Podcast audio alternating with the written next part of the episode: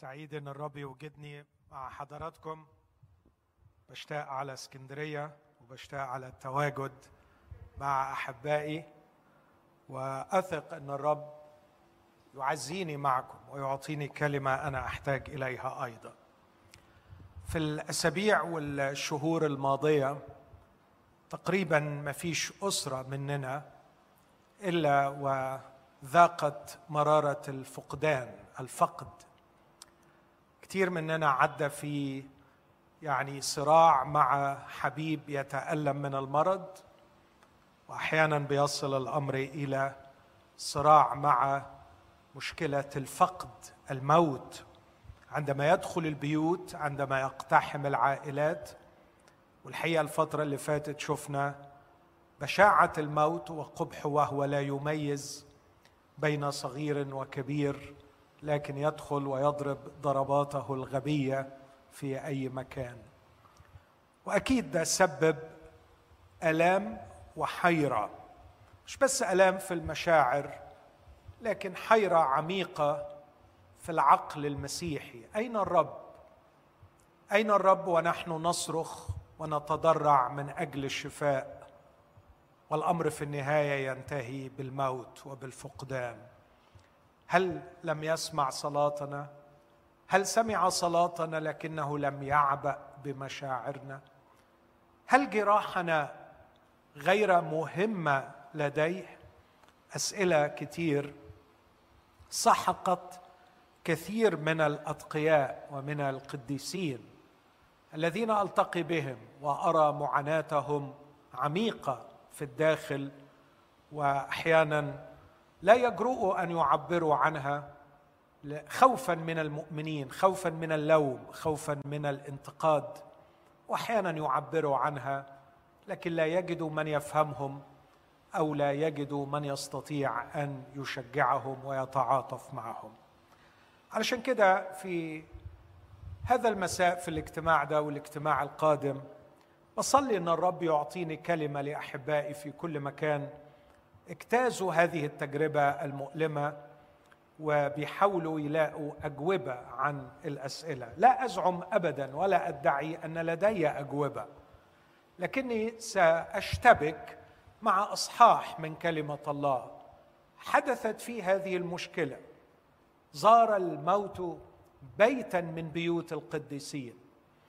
أسرة جميلة من أروع الأسر التي سجل قصتها العهد الجديد. تعاني مرارة الفقدان.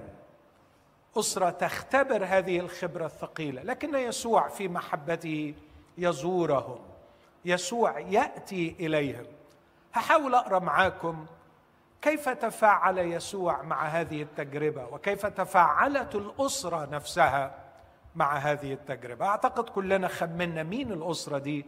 في إنجيل يوحنا أصحاح 11 قصه الشهيرة. أرجو أن نقف معا ونحن نستمع لهذه القصة. موت لعازر وكيف تفاعل المسيح مع هذه الأسرة وهي تجتاز هذه التجربة. في الاجتماع الأول سأتكلم تحت هذا العنوان عندما لا يأتي يسوع. عندما لا يأتي يسوع. وفي الاجتماع الثاني سأتكلم بنعمة الرب عندما يأتي يسوع. وعلشان كده هقسم الأصحاح لجزئين. هقرأ في هذا الاجتماع من عدد واحد لعدد 16 يقول الكتاب وكان إنسان مريضا وهو لعازر من بيت عنيا من قرية مريم ومرثى أختها. وكانت مريم التي كان لعازر أخوها مريضا هي التي دهنت الرب بطيب ومسحت رجليه بشعرها. فأرسلت الأختان إليه قائلتين يا سيد هو ذا الذي تحبه مريض. فلما سمع يسوع قال هذا المرض ليس للموت بل لأجل مجد الله ليتمجد ابن الله به. وكان يسوع يحب مرثا وأختها ولعازر فلما سمع أنه مريض مكث حينئذ في الموضع الذي كان فيه يومين. ثم بعد ذلك قال لتلاميذه لنذهب إلى اليهودية أيضا. قال له التلاميذ يا معلم الآن كان اليهود يطلبون أن يرجموك وتذهب أيضا إلى هناك. أجاب يسوع أليست ساعات النهار اثنتي عشرة؟ إن كان أحد يمشي في النهار لا يعثر لأنه ينظر نور هذا العالم ولكن إن كان أحد يمشي في الليل يعثر لأن النور ليس فيه. قال هذا وبعد ذلك قال لهم لعازر حبيبنا قد نام. لكني أذهب لأوقظه. فقال تلاميذه يا سيد إن كان قد نام فهو يشفى. وكان يسوع يقول عن موته. وهم ظنوا أنه يقول عن رقاد النوم. قال لهم يسوع حينئذ علانية لعازر مات. وأنا أفرح لأجلكم أني إني لم أكن هناك لتؤمنوا ولكن لنذهب إليه. فقال توما الذي يقال له التوأم للتلاميذ رفقائه لنذهب نحن أيضا لكي نموت معه. آمين. هذه هي كلمة الرب. تفضل.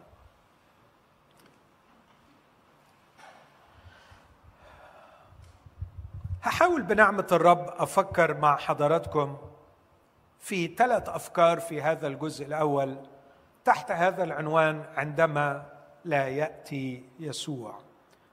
وقصدت أني أختار هذا العنوان علشان أقول إنه يتجاوب مع مشاعر كثير من المؤمنين اللي طلبوا الرب يسوع أن يأتي إليهم من أجل مرض حبيب لكنه لم يأتي. لم يأتي يسوع. كيف نفكر في هذه المأساة عندما ندعوه لكي يأتي وينقذنا لكنه لا يأتي. عندما لا يأتي يسوع. وأفكر معاكم في ثلاث أفكار. الفكرة الأولى تجربة مرثا ومريم وتجربتنا. نحن سواء عانينا مرض وصارعنا معه وصلينا من أجل الشفاء وتم الفقدان أو مجرد ألم من أي نوع طلبنا من أجله ولم يستجب الرب. تجربة مرثا ومريم وتجربتنا. ثانيا الفكرة الثانية عندما لا يأتي يسوع أسباب خاطئة. أسباب خاطئة تجول في خاطرنا عندما نصلي ولا يستجيب عندما ندعوه وهو لا يأتي. أحاول أناقش بعض الأفكار الخاطئة التي تخطر في قلوبنا واحيانا. تستحوذ على كياننا وعلى تفكيرنا وتسحق حياتنا. وهي كما ذكرت أفكار خاطئة. لكن أخيرا عندما لا يأتي يسوع أفكار صحيحة.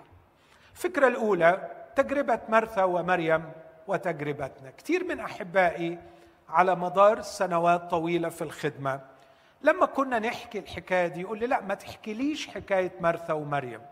تجربتهم غير تجربتي خالص لسبب بسيط إن تجربة مرثا ومريم انتهت نهاية سعيدة نهاية مبهجة.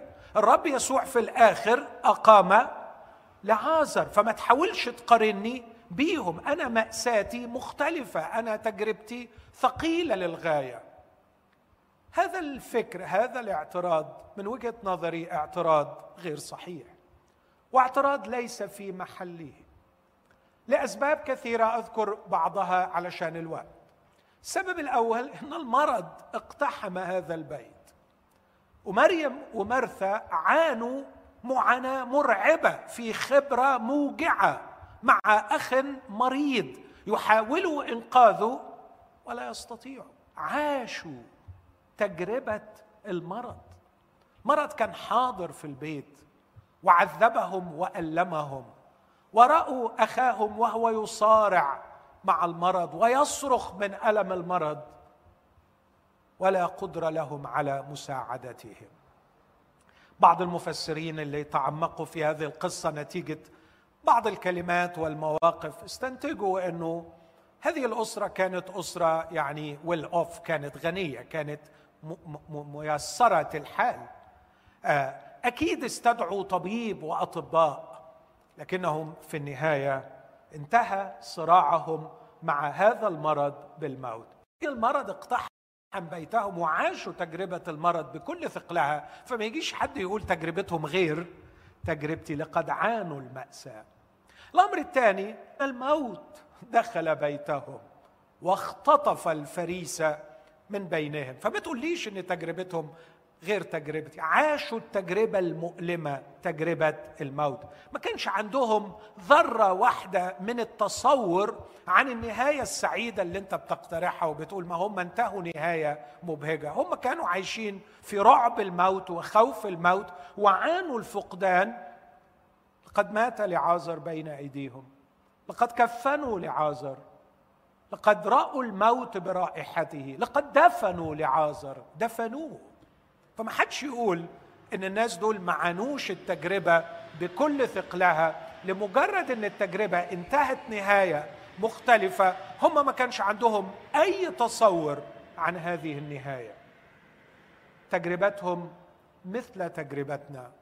لقد عاشوا المرض عاشوا الموت عاشوا الألم عاشوا الفقدان عاشوا إحساس العجز أمام حبيب يتألم وهم قدامه هيلبلس ما بيقدروش يعملوا له حاجة لقد دفنوا لعازر بأيديهم.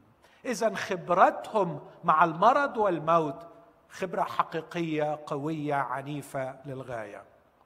لكن أختم الفكرة دي وأقول إن الرب يسوع عندما أتى إلى بيت عنيا عندما أتى إلى مرثى وتحدث مع حديثه الرائع لم يكن يتكلم عن حل لهذه العائلة.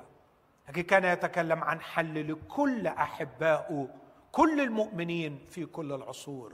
عندما قدم نفسه لمرثى قال لها مرثى أنا هو القيامة والحياة. ومش لو أنتوا امنتوا لكن كل من آمن بي ولو مات فسيحيا. وكل من كان حيا لن يرى الموت إلى الأبد. اذا الرب يسوع يتكلم عن تداخل في هذه القضية ليس قاصرا على مأساة مرثى ومريم لكن الرب يسوع يتكلم عن حل لكل المؤمنين به في كل مكان وفي كل العصور. علشان كده أرجو وأنت بتقرأ يوحنا 11 وأنت بتقري يوحنا 11 إذا كنت دخلت في مثل هذه التجربة وعانيت هذا الألم اوعى الشيطان يقفل قلبك وتاخد الحكاية من آخرها وتقول أنا الحكاية دي ماليش فيها طعام ولا تعليم لأنه هم انتهوا نهاية سعيدة. أنا ما أعرفش نهايتي شكلها إيه. أنا انتهى الأمر معي بالموت. هذه التجربة تمثلنا وتداخل المسيح فيها نحن نحتاج إليه بشدة. الفكرة الثانية لماذا لم يأتي يسوع؟ إذا اخترت عبارة جوهرية في هذا الجزء الأول من الأصحاح أختار هذه العبارة المرعبة الحقيقة لما يقول في عدد ستة فلما سمع أنه مريض. لو أنا كتبت الأعداد الأولى لأي شخص بعمل له امتحان بسيط وبقول له يسوع يحب مرثا ومريم ولعازر. يسوع له علاقة خاصة جدا بهذه الأسرة. مريم هي التي مسحت رجلي يسوع بالطيب أو دهنت رجليه بالطيب ومسحته بشعر رأسها. هاتان الأختان اعتادتا أن يستضيف يسوع في البيت. يسوع كان يجد راحته في هذا البيت. ثم مرض لعازر وأرسلت الأختان رسالة استغاثه عاجله إلى يسوع ورسالة مؤثرة. هو ذا الذي تحبه مريض. والرسالة وصلت الرسالة وصلت. فلما سمع يسوع نقط أكمل. أكمل. ما تصورك عن رد فعل يسوع عندما يأتيه الخبر؟ لما سمع أنه مريض. مش بعيد أقول ترك كل شيء وقام فورا. مش بعيد ابدا يكون ده استنتاجي. أو يعمل اللي عمله مع الغرباء. يعمل مع اللي يعمل اللي عمله مع ناس ملهوش أي نوع من العلاقة معهم اللي كانت بتربطه بمرثى ومريم. أذكركم بحادثتين. الحادثة الأولى في إنجيل لوقا صح سبعة. جاء قائد مئة أممي. جاء إلى يسوع أو أرسل إلى يسوع رسلا وبيقول له إنه مش اللي بتحبه. ومش ابني لكن مجرد عبدي. عبدي. لاحظوا يا إخوتي لعازر المحبوب أخو مرثى ومريم المحبوبتين الغاليين اللي ما فيش حد بغلاوة مريم اللي كانت بتقعد عند رجليه وتسمع كلام. مريم دي اللي اختارت النصيب الصالح. إزاي أقارن لعازر بعبد قائد المئة اللي في متى ثمانية أو في لوقا سبعة. لكن أعجب رد من يسوع على قائد المئة كان ردا غريبا. أنا آتي وأشفيه أنا آتي وأشفيه ولك أن تقارن هذه العبارة مع عبد قائد مئة أممي غريب. يسوع يقول أنا آتي وأشفي. لدرجة الراجل ذهل وراح بعت له تاني وقال له يا سيد لا لا لا ما أقصدش للدرجة دي. أنا لست مستحقا أن تدخل تحت سقف. حضرتك الموضوع يعني كده كتير قوي عليا. أخوتي أقف وأقول يا يسوع إن كنت بهذا الحب وهذا الكرم وفيضان المشاعر بهذا الحجم حتى أنك مستعد أن تدخل بيت رجل أممي وتسير مشوارا طويلا لكي تشفي عبده. فيا ترى كيف ستكون مشاعرك مع الذي تحبه؟ هتعمل إيه؟ هتعمل إيه؟ الكلمة مرعبة مرعبة. لما سمع أنه مريض ماذا فعل؟ مكث. ما قالش أنا آتي واشفيه لكن مكث. أمر يغيظ أمر يحير أمر يلخبط. وده يمكن الدرس الأول يا أحبائي اللي نفسي ربنا ينور علينا ونفهمه إن أعمال يسوع غالبا بتحير. أعمال يسوع غالبا غير متوقعة. وعلينا أن ندرب أنفسنا لكي ننمو روحيا أننا نتعامل مع إله غير متوقع. ما نقدرش نتوقع أفعاله لأنه كما ارتفعت السماء عن الأرض ارتفعت أفكاره عن أفكارنا. لكن الحادثة الثانية طب يسوع لسبب أو لآخر مش عايز يجي. لكن في حادثة في يوحنا أربعة وكان شخص ما أعرفش ليه إحساسي لما بقرأ الحكاية دي إن الرب يسوع يعني ما كانش مستلطفه الراجل ده خادم الملك وجاي للرب يسوع ويقول له اسرع وانزل ابني على آخر نسمه تعالى بسرعة اشفيه. معرفش ليه الرب يسوع رد عليه وقال له آه لا تؤمنون إن كنتم لا تروا آيات؟ واضح إن الرب يسوع كان موجوع من الناس دول. لكن هو قعد يزن ويقول له معلش ابني على آه على آخر نسمة. الرب يسوع قال روح ابنك حي. ابنك حي خلاص روح. فآمن الرجل بالكلمة ولما مضى إلى بيته الراجل ده كان من قانا الجليل وجد فعلا أن ابنه حي. أعود إلى وفيما هو نازل استقبله عبيد وأخبروه قائلين إن ابنك حي. شفي من المرض رب يسوع أنت كنت على استعداد أن تأتي لقائد المئة الأممي وكنت استعداد على استعداد أن تشفي من على بعد.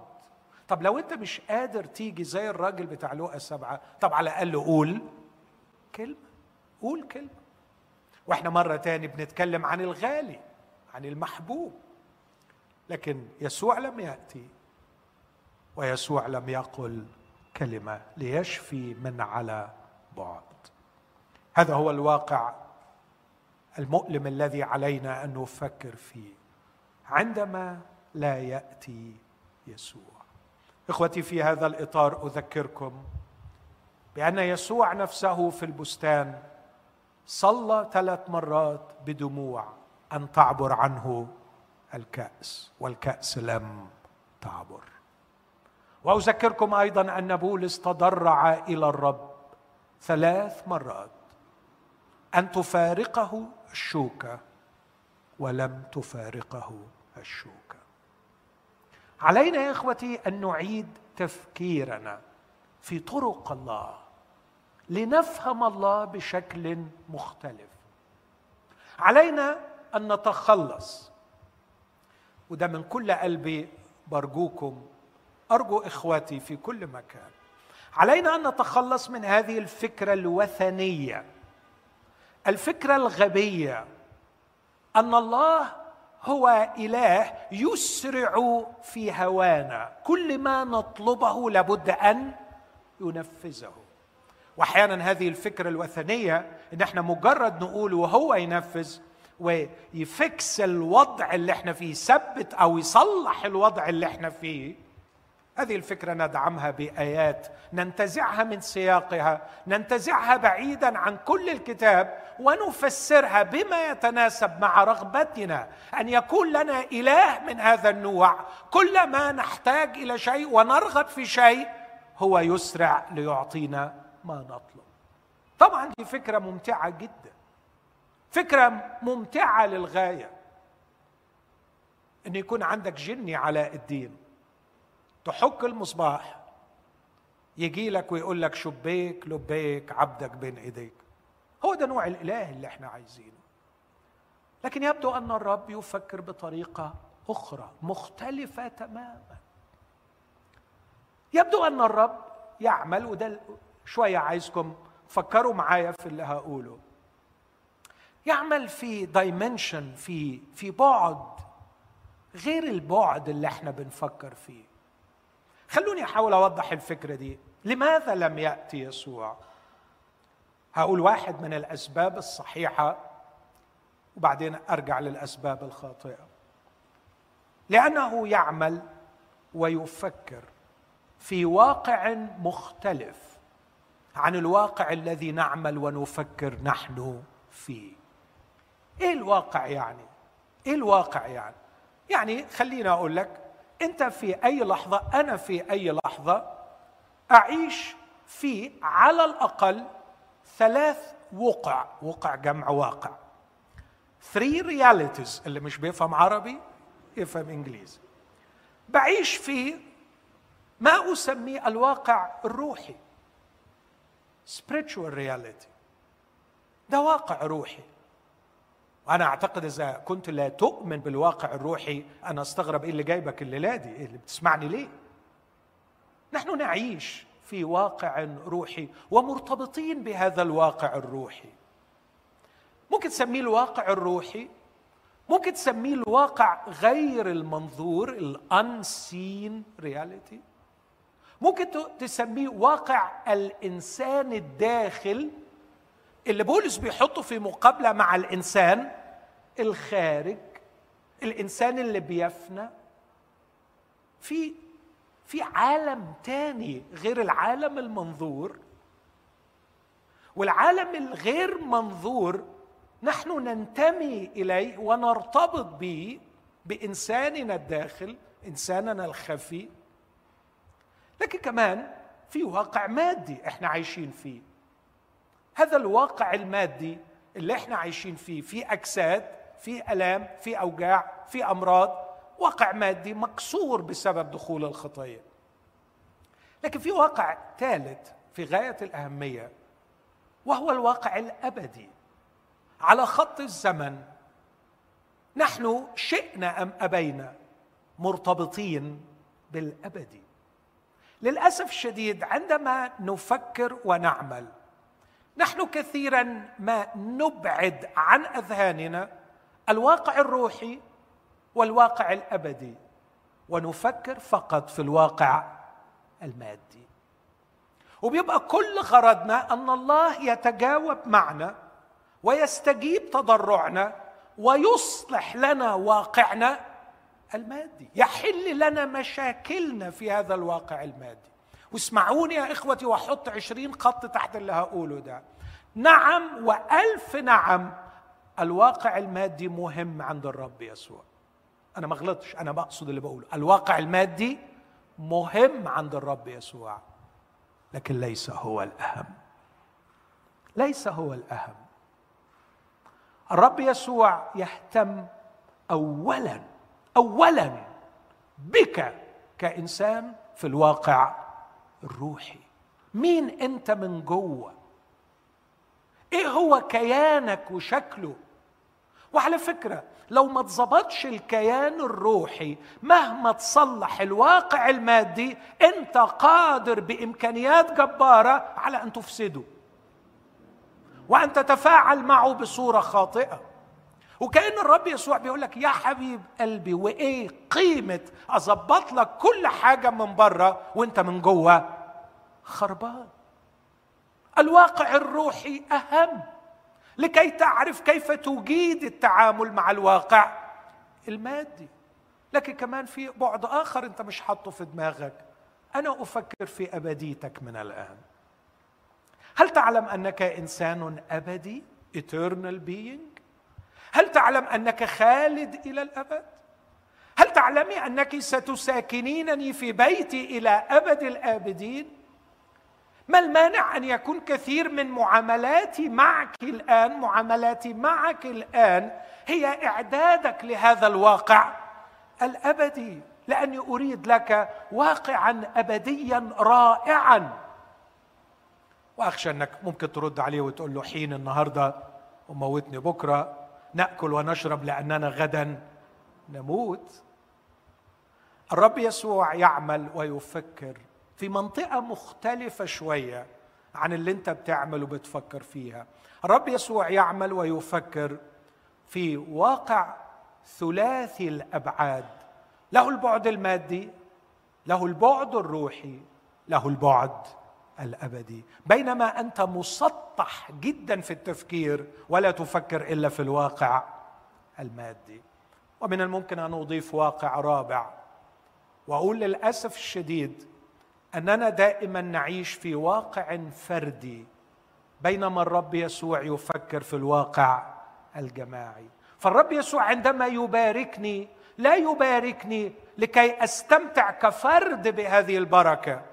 لكن يباركني لكي أكون بركة للآخرين. الرب يسوع عندما يشفيني يشفيني بالارتباط مع الآخرين. الرب يسوع عندما يعطيني مال يعطيني مال وفي ذهنه ارتباطي بالآخرين. نحن نفكر دائما في أنفسنا كأفراد لكن الرب دائما يفكر فينا في علاقتنا بالآخرين وتأثير ما سيفعله في حياتنا على الآخرين. لكننا بسبب الأنانية الشديدة صرنا محصورين بشدة في فرديتنا وانانيتنا بحيث لما بنصلي ولما بنطلب ما بنفكرش في أي حاجة غير في اللي إحنا عايزينه.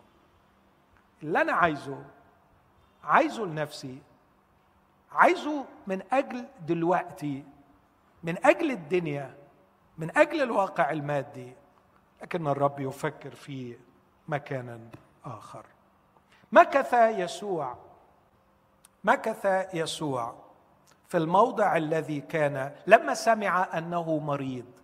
مكث حينئذ في الموضع الذي كان فيه يومين.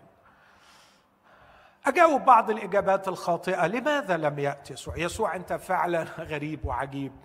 وبصراحة آخر شيء كنت أتوقعه منك إنك لما تسمع إنك تمكث مش تأتي أو تقول كلمة. هفترض افتراضات خاطئة لكنها ترد للأسف لأذهان المؤمنين. الفرض الأول رسالة لم تصل لم يسمع لكن واضح من النص ده أنه قد سمع. مرات كثيره بنصلي ولما ما بيستجيبش بنتصور إنه هو. لا أنا عايز أقول لك سمع كويس قوي على فكرة. سمع كويس قوي. آه يمكن أنا ما كنتش معلي صوتي كفاية. يمكن أنا ما صغتهاش كده بكلمات قوية. يمكن بيحب يسمعها باللغة العربية الفصحى وأنا صليت بالعامية. آه يمكن أنا ما ما, ما لمتش عدد مؤمنين كافي علشان يعرفوا يوصلوا صوتهم. ما هو أكيد ما هو أصل هو لو سمع لازم هيستجيب. طبقا للمنظومة الفكرية. فكونه ما استجابش لماذا لم يأتي يسوع؟ أبسط تفكير إنه لم عايز أقول لك على خبر ما أعرفش يفرحك ولا يزعلك. يعني it's up to you أنت تفكر فيها زي ما أنت عايز. هو سمع. هو سمع. هو سمع صلاتك كويس قوي قوي قوي هو سمع. يسوع سمع. الامر الثاني سمع لكنه لا يبالي. مش مهتم. لا على فكرة على فكرة قلها بملء الفم. الرب يهتم بي. لأنه قال لا أهملك ولا أتركك. أوعى حد يضحك عليك. أوعى تدخل الفكرة الشريره دي عقلك. أوعى تقول إنه لا يبالي. حاشا. حاشا. حاشا. بس على فكرة كثير من المؤمنين اتهموا بها منهم مرسى. فمرة من المرات قالت له أما تبالي؟ أن أختي قد تركتني. اخدم وحدي. مرسى أنت هتطلعي غلطانة في الآخر؟ ما تتورطيش الورطة دي ما تطلعيش يسوع غلطان لأنه يسوع عمره ما هيطلع. غلطان. مرة تانية التلاميذ في السفينة. أما تبالي أننا نهلك؟ وكان يسوع صاحب السلطان. مرات كثيرة نتصور أنه سمع لكنه لا يبالي. وتصغر نفوسنا في أعيننا. يظهر أننا مش مهم.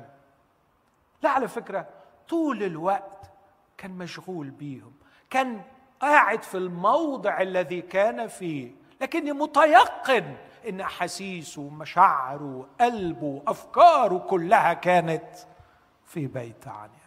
يا ترى يا مريم بتعيطي قد إيه؟ يا ترى يا مرثا عاملة إيه؟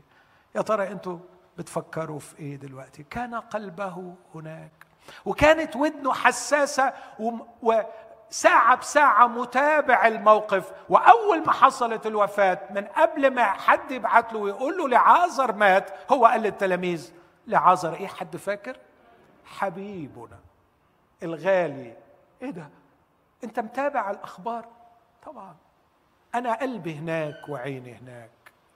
أوعى تستجيب للفكرة الغبية أن يسوع لم يسمع أو أن يسوع سمع لكنه لا يبالي.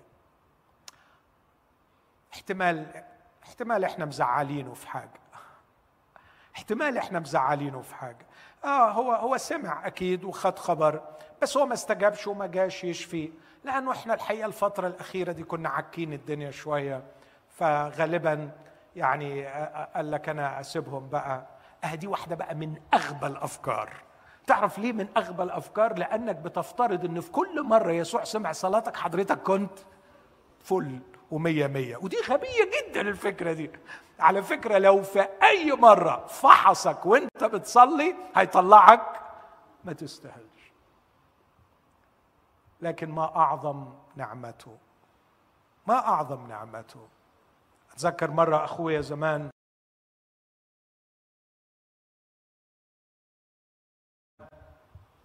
صغير لما رجع للرب رجع متأخر بعد تليفونه بيحكي لي عن إحسانات الرب معه وخيره اللي أغدق بيه عليه فأنا بقول له وأنا فاكر ساعتها كنت سايق وبقول له شفت يا حبيبي لما رجعت للرب إزاي الرب أكرمك وإزاي الرب أنعم عليك وإزاي الرب يعني فتح أمامك وعمل.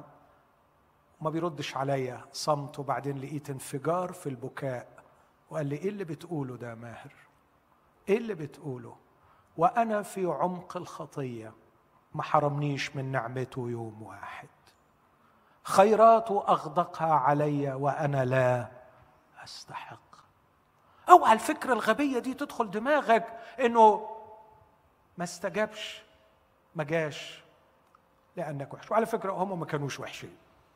بص يوحنا يروح حاطط لك عبارة كده ويقول لك وكانت مريم أخت العازر هي التي دهنت رجليه بالطيب دهنت الرب بطيب ومسحت رجليه بشعرها. دي العيلة الغالية المحبوبة. لا على فكرة على فكرة كانوا بيحبوه قوي وكانوا بيحترموه قوي وكان البيت الوحيد اللي يسوع بيستريح فيه هو مريم. وعلى فكرة هي اللي واخدة شهادة ما حدش خدها. واخدة شهادة كده تعلقها في البيت تبروزها. اختارت مريم النصيب الصالح الذي لن ينزع منها. لماذا لم يأتي؟ قد سمع وهو يبالي وما بيربطش مجيئه بوحشتنا ولا حلاوتنا بنعمته وعنده نعمة. لماذا لم يأتي؟ آه ربما محبته قد ضعفت. آه يسوع مودي شوية. فمرات كده تبقى مشاعره فياضة فيقول أنا آتي وأشفيه. ومرات تانية بيبقى مدبرس. فملوش نفس يشتغل. فلما بعتوا له على حظهم الفقري إنه كان في وقته هو يعني هل يسوع بيدخل في أحوال مزاجية تؤثر على محبته؟ عجيب الكتاب. قصد بالروح القدس إنه ينسنويت يغرس كده في النص أربع مرات. أربع مرات تأكيد على محبة يسوع. لهذه العائلة. الرسالة من أولها هو ذا الذي تحبه مريض. أنت بتحب العازر كان يسوع برضو يوحنا قصد يحطها في عدد خمسة يمكن في عدد خمسة. كان يسوع يحب مرثا وأختها ولعازر. كان بيحبهم. بعد شوية يسوع يقول للتلاميذ لعازر إيه؟ حبيبنا. وبعدين لما بكى يسوع في نهاية الأصحاح. الناس كلهم يقولوا انظروا كيف كان يحبه. لا أقول لكم على حاجة أغرب شوية وأرجو أنكم تفكروا فيها وعلى مسؤوليتي صدقوها. لو بصيتوا في عدد أربعة فلما سمع يسوع قال لما سمع يسوع. وهتتكرر تاني في عدد ستة فلما سمع أنه مريض. فلما سمع يسوع قال هذا المرض ليس للموت بل لأجل مجد الله ليتمجد ابن الله به. وكان يسوع يحب مرثا وأختها ولعازر. فلما سمع كلمة فلما دي في الإنجليزية therefore therefore يعني كان يسوع يحب مرثا وأختها ولعازر ولذلك لما سمع أنه مريض عمل إيه؟ مكث تخيل. تخيل. على مسؤوليتي خدها. لأنه كان يحب مرثا ومريم. فلما سمع مكث ده مش قلة حب. ده بسبب الحب مكث طبعا الله يعني عليكم لو عايز أقنعكم بحاجة زي كده. يعني يعني لو قعدت معاك ساعتين تقول لي أنا صعبان عليا من الرب ما استجابليش. صرخت له دعيته صمت له قلت له يشفي قلت له لميت كل المؤمنين صرخنا مع بعض. و... وكتير منهم طبعا في كتير منهم عندهم ثقة غريبة عجيبة كده. لا لا الرب قال لي هيشفيه لك ما تقلقش. خلاص هي كلمة هذا المرض ليس للموت بل لأجل مجد الله. طب ما الموت مات في الآخر برضه العازر العازر مات في الآخر. بس في كده مؤمنين بيتبرعوا تبرعات أتمنى إن هم ما يتبرعوهاش. ويروحوا يوزعوا كده يعني بثقة شديدة آه، يعني مواعيد غريبة للناس وتكون النتيجة أنا اللي بتعك فيهم في علاجهم بعد كده. بيكتئبوا ويبقى حالتهم صعبة ويشكوا في ربنا وفي محبة ربنا. إيه يا حبيبي؟ يقول لك ما قالوا لي هيخف قالوا لي هيخف. الله يسامحه اللي ضحك عليك وقال لك هيخف. الله يسامحه فعلا. تخيل بقى لو أنا حبيت دلوقتي أقنعك وأقول لك أنت بتعمل إيه؟ تقول لي أنا بصلي إن يسوع يأتي. أقول لك عندي خبر ليك ما أعرفش يسوع بيحبك قوي تقول لي بجد؟ عظيم يبقى أكيد هيجي. أقول لك لا للأسف. هو بيحبك قوي عشان كده مش هيجي. غالبا مش هتبص في وشي تاني. بس ده اللي بيقوله الكتاب. كان يسوع يحب مرثا ومريم ولعازر. كان بيحبهم. ولأنه بيحبهم فلما سمع أنه مريض مكث إخوتي الأحباء خذوها على مسؤوليتي. من خبراتي في هذا الكتاب العظيم ومن خبراتي في الحياة. عندما لا يأتي عندما لا يأتي لا يأتي إلا لسبب واحد لأنه يدبر لنا شيئا أفضل وأعظم. عندما لا يأتي يسوع لا يمكن أن لا يأتي إلا لخير أعظم. يريد أن يصنع شيئا أعظم. يريد أن يحقق خيرا أفضل. إن كل أحلامنا البسيطة الساذجة تدور حول عطية صغيرة نريد أن ننعم بها فقط لكي نستمر كما كنا في واقعنا الذي نعيش فيه. بينما هو يريد أن ينقلنا إلى واقع أعلى وأرقى. يريد أن يرحل بنا إلى منطقة أعمق. لكننا نصر على أن نحصل على عطايا.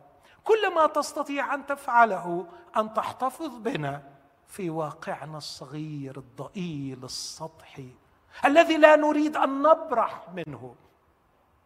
ما عندناش مانع نرنم الترانيم الجبارة اللي كنا بنرنمها. وأقول له ده أنا عايز أسكر بيك وعايز وعايز وعايز أبقى معاك وأدخل للعمق وخدني وخدني. بس يعني لو جه بقى فعلا أقول له أنت أنت بتصدق ولا إيه؟ إحنا بنرنم. إحنا كنا بنرنم. يسوع أنت لازم تفهم ال mechanismات بتاعتنا. إحنا كنا بنرنم. يعني don't take us seriously تاخدناش بجدية كده وتصدق إن إحنا فعلا عايزين ندخل للعمق والكلام الكبير ده. لا إحنا يعني just إن إحنا بنيجي هنا الكنيسة يوم الحد علشان نتبسط مع بعض وحاجة من الحاجات اللي بتبسطنا إن إحنا نرنم ونقول كلام حلو ليك عشان إحنا بنحبك فعلا. بس من فضلك اوعى تصدق وتاخد الموضوع جد وت... لا لا لا بلاش يعني خليك كده لطيف. إحنا بنتبسط الساعة دي وبعدين يعني انت شغلتك تثبتنا في الوضع بتاعنا وتمكننا في الوضع بتاعنا.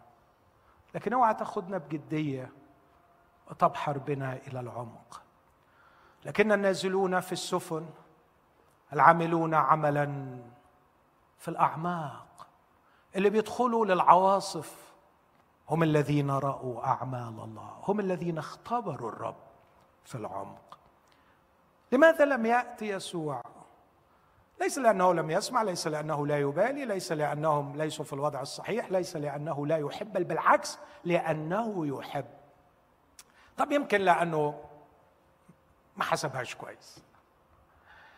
أنا عارف أنا مقدر. اصله هو عنده هيز فيري بيزي يسوع عنده ملايين بيصلوا له وعنده مشاغل كتير. وأنا وقعت. ما هو يعني من ضمن ال... هو يعني وأنا بس اللي, اللي, اللي, اللي عندي المشكلة. ده ده فيمكن الحسابات ما ظبطتش. لكن الحقيقة الرب قال كلمة بهذا الصدد. لما مكث يومين عدد سبعة بعد ذلك قال لتلاميذه لنذهب إلى اليهودية أيضا. قال له التلاميذ يا معلم يا معلم الآن كان اليهود يطلبون أن يرجموك وتذهب أيضا إلى هناك؟ أجاب يسوع اسمعوا النص ده أحبائي أليست ساعات النهار اثنتي عشر؟ إن كان أحد يمشي في النهار لا يعثر لأنه ينظر نور هذا العالم. ولكن كان أحد يمشي في الليل يعثر لأن النور ليس فيه. الآيات دي لو عايز تفهم معناها ببساطة يعني بالبلدي أنا عارف أنا بعمل إيه. أنا عارف أنا بعمل إيه. أنا ما بعكش. أنا حساباتي صحيحة. اوعوا تفكروا أنا بتحرك في الضلمة. أنا بتحرك دايما في النور. أنا شايف اللي بعمله. أنا لما مكثت مكثت وأنا فاهم إني بمكث. أنا لما ما روحتش عارف إن العازر المرض سيتفاقم. وهم آه مش يمكن يسوع ما كانش مقدر خطورة الموقف فمكث في الموضع على أساس إنه يمكن يتحسن. لا هو عارف كويس قوي هو بيعمل إيه.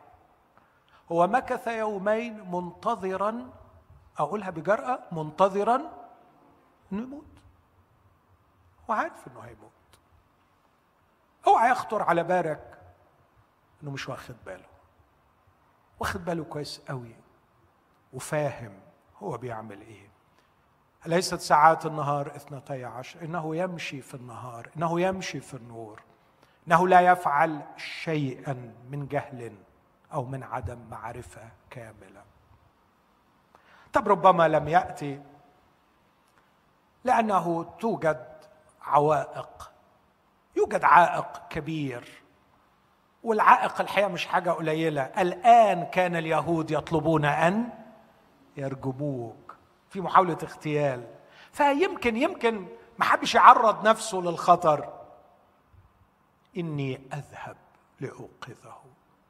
لا يعوقه.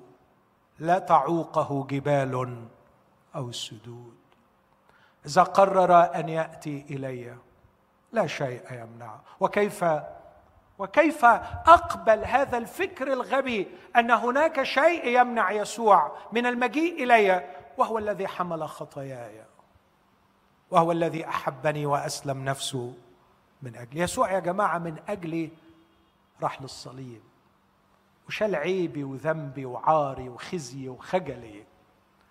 لا يعوقه عن المجيء إلي حتى القتل. لو كان سيقتل في سببي بسبب مجيء إلي بل بالحقيقة قتل بسبب مجيئه إلي وكان يعلم أنه سيقتل بسبب مجيء إلينا وقد أتى. فشيل من دماغك خالص أنه يمكن كان في حاجة كبيرة تمنعه. كان يعلم. كان يعرف. آه يمكن آخر حاجة أقولها. لماذا لم يأتي؟ موضوع صعب. موضوع صعب. إيه الموضوع؟ مرض؟ مرض بالنسبة ليسوع صعب؟ لا. آه بس مرض لعذر شديد حبتين على يسوع؟ لا. طب هو مات. هو العذر مات. بس خدتوا بالكم من اللغة اللي استعملها؟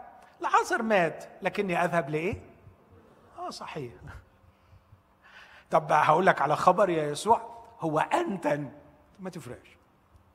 آه يعني خلاص يعني ما فيش جسم يا يسوع. ده الجسم باظ ده الرئتين انفجروا والكبد انفجر وكل حاجة باظت وعفن ونتن.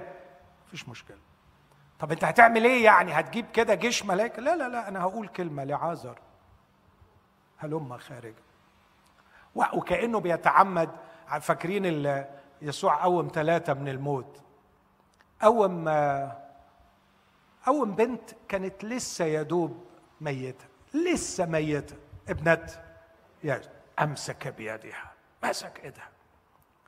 دي كانت لسه ميتة كان في حالة أصعب. لا ده مات واتحط في النعش ورايحين يدفنوه. لمس النعش بتقل الوسيلة واخدين بالكم؟ طب بقى اللي مات وعفن ونتن. لا مسك ولا لمس. لكن عمل إيه؟ نادى. أتذكر واحد قال إن يسوع قال لعازر هلم خارجا ولو لم يكن قد حدد بالاسم لكان كل الأموات قد خرجوا. لأنه ده يسوع. ده يسوع. وهو قال تأتي ساعة حين يسمع الأموات صوت ابن الله يخرج من القبور. يسوع سيخرج من القبور. بكلمة أذهب لأوقظه. هذه الأسباب كلها أسباب خاطئة. لماذا لم يأتي يسوع؟ أختم بالإجابة الوحيدة الصحيحة التي أعلنها يسوع. لماذا لم ياتي لمجد الله. هذا المرض ليس للموت. هذا المرض ليس للموت بل لأجل مجد الله. ليتمجد ابن الله. إيه معنى الكلام ده؟ اولا أبدأ باعتراض يعني برضه سخيف. إيه ده؟ يعني يعني هو موت لعازر علشان هو يتمجد؟ إيه ده؟ إيه الطريقة السادية الغريبة دي؟ يعني أنا أدفع الثمن علشان هو يتمجد؟ إيه ده؟ لكن هذا تفكير سخيف وساذج. وبعيد كل البعد. الكتاب ما بيقولش إن يسوع موت لعازر علشان يتمجد. حاشا. العذر مات لأنه مرض. ومش الرب يسوع اللي بيبعت المرض. إننا نعيش في عالم مكسور يسود فيه المرض والموت ولهذا يدخل المرض البيوت. مش يسوع اللي بيبعت الأمراض للبيوت. لعازر مات لأنه مرض. ويسوع ليس هو الذي أرسل المرض. لكن أذكركم بقصة حصلت من أصحاحين بس. وفيما هو مجتاز رأى إنسانا أعمى منذ ولادته. فقال له تلاميذه يا سيد من أخطأ هذا أم أبواه؟ فقال يسوع لا هذا أخطأ ولا أبواه. لا هذا أخطأ ولا ابواه لكن لتظهر أعمال الله يعني هل الرب يسوع عمل ولد ده علشان تظهر أعمال الله فيه؟ حاشا هو مولود اعمى نتيجة إعاقة. لكن لتظهر نكمل بقى. لكن لتظهر أعمال الله فيه ها نكمل. نكمل. ينبغي أن أعمل أعمال الذي أرسلني. إنه دخل إلى العالم وفي مشهد بؤس العالم وفي مشهد العمى وفي مشهد التعاسة وفي مشهد المرض وفي مشهد الموت تظهر أعمال الله ويتمجد الله في قلب بؤس هذا العالم. هذا المرض ليس للموت. لاحظوا مش للموت يعني مش مش هيموت لأنه لعذر في الآخر. مات. لكن مش الموت هو الغاية النهائية. مش الموت هو النهاية. مش الموت اللي ليه الكلمة الأخيرة. هذا المرض ليس في النهاية علشان المرض يرفع أعلام الانتصار ويقول نجحت واحتليت وانتصرت. لا يا حبيبي في شخص هو القيامة والحياة. سيقتحم عرينك أيها الموت وسيدخل إلى حيث دخلت وسيقف هناك ويظهر مجد الله. إن مشهد الموت هو مجال استعراض مجد الله. أتمنى من قلبي إنه يكون ده السبب الوحيد اللي نرد بيه على عقولنا الحائرة. عندما تسحقنا بهذا السؤال السخيف لماذا لم يأتي يسوع؟ رد رد واحد. لكي تكون هناك فرصة أن يتمجد الله. أمين؟ أن يتمجد الله. أمين؟ بس لازم أختم دي. يعني إيه يتمجد الله؟ يعني هيقوم لعازر على فكرة مش هي دي خالص. مش هي دي خالص. لو الفعل ده هو اللي بيمجده أنا عايز أقول لك إنه 650 مليون طن هيدروجين بينفجروا كل ثانية. ويطلعوا 600 مليون طن هيليوم و50 مليون طن كتلة تحولت إلى طاقة عشان تنور لنا وتدفينا. كل ثانية الشمس بتفجر أنابل نووية 650 مليون طن. على فكرة دي المعجزة اللي تمجد الله أكتر من إنه هو يوم واحد ميت. إن الأرض تفضل بتدور بالثلاث حركات بتاعتها. تمجيد الله. مش إنه قوم العذاب الأفعال الإلهية كثيرة للغاية. السماوات تحدث بمجد الله والفلك يخبر بعمل يديه.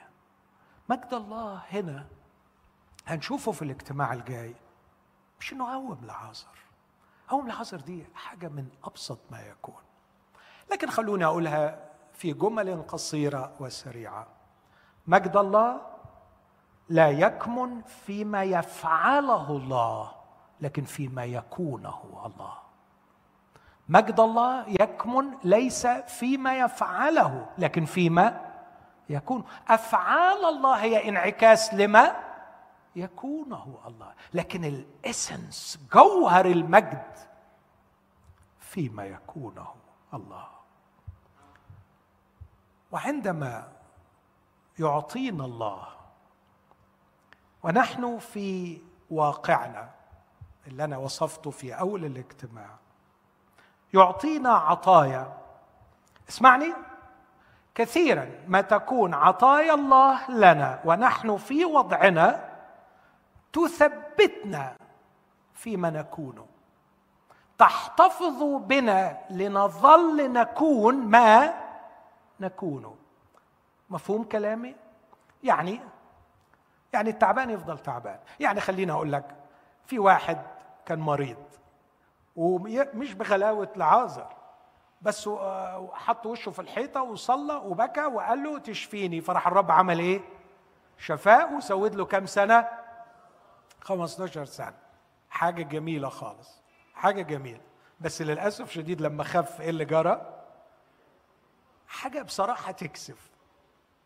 فضل العبط هو هو. سوري إن أنا أقول الكلمة دي. جم يزوروه شوية ناس فبدل ما يحكي عن الرب وعن مجد الرب وعن عظمة الرب راح خدهم وفرجهم إيه؟ ها؟ مخازن السلح والغلال والغنى و... إيه العبط ده؟ تعمل إيه؟ تعمل إيه؟ يا ريته ما شافك يا أخي. إيه الفضيحة دي؟ مرات عندما يعطينا الرب عطاياه للأسف الشديد العطايا تحتفظ بنا لنظل نكون ما؟ نكون. اللي هو في الأصل خربان.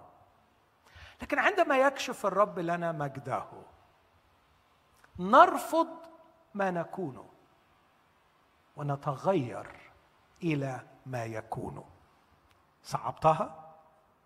لكن أحكي لكم حكايتين. رأى مجد الرب في اشعيا ستة. في سنة وفاة عزي الملك رأيت السيد الرب.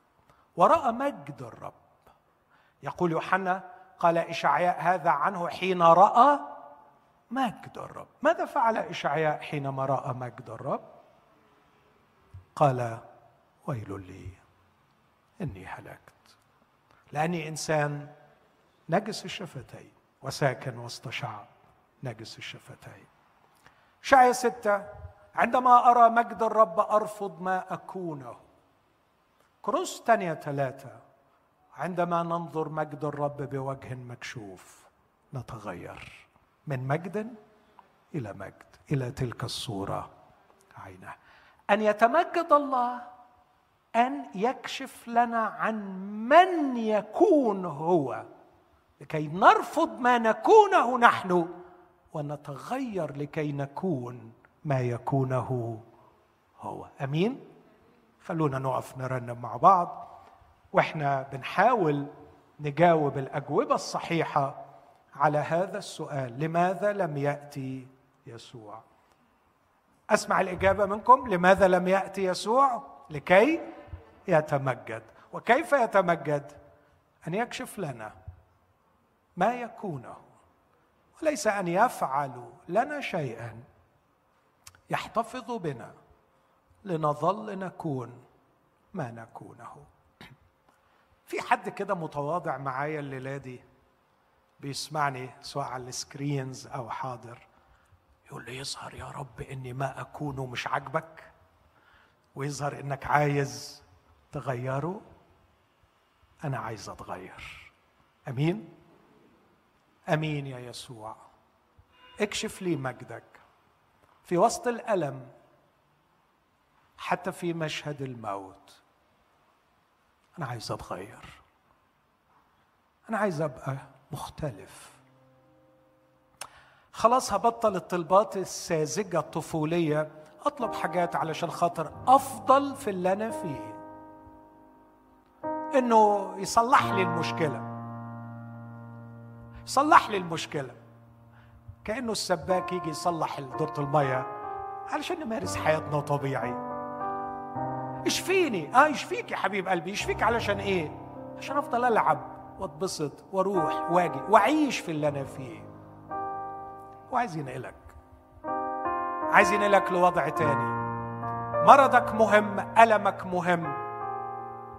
يسوع يهتم بك لكن كينونتك في الداخل وأبديتك أهم.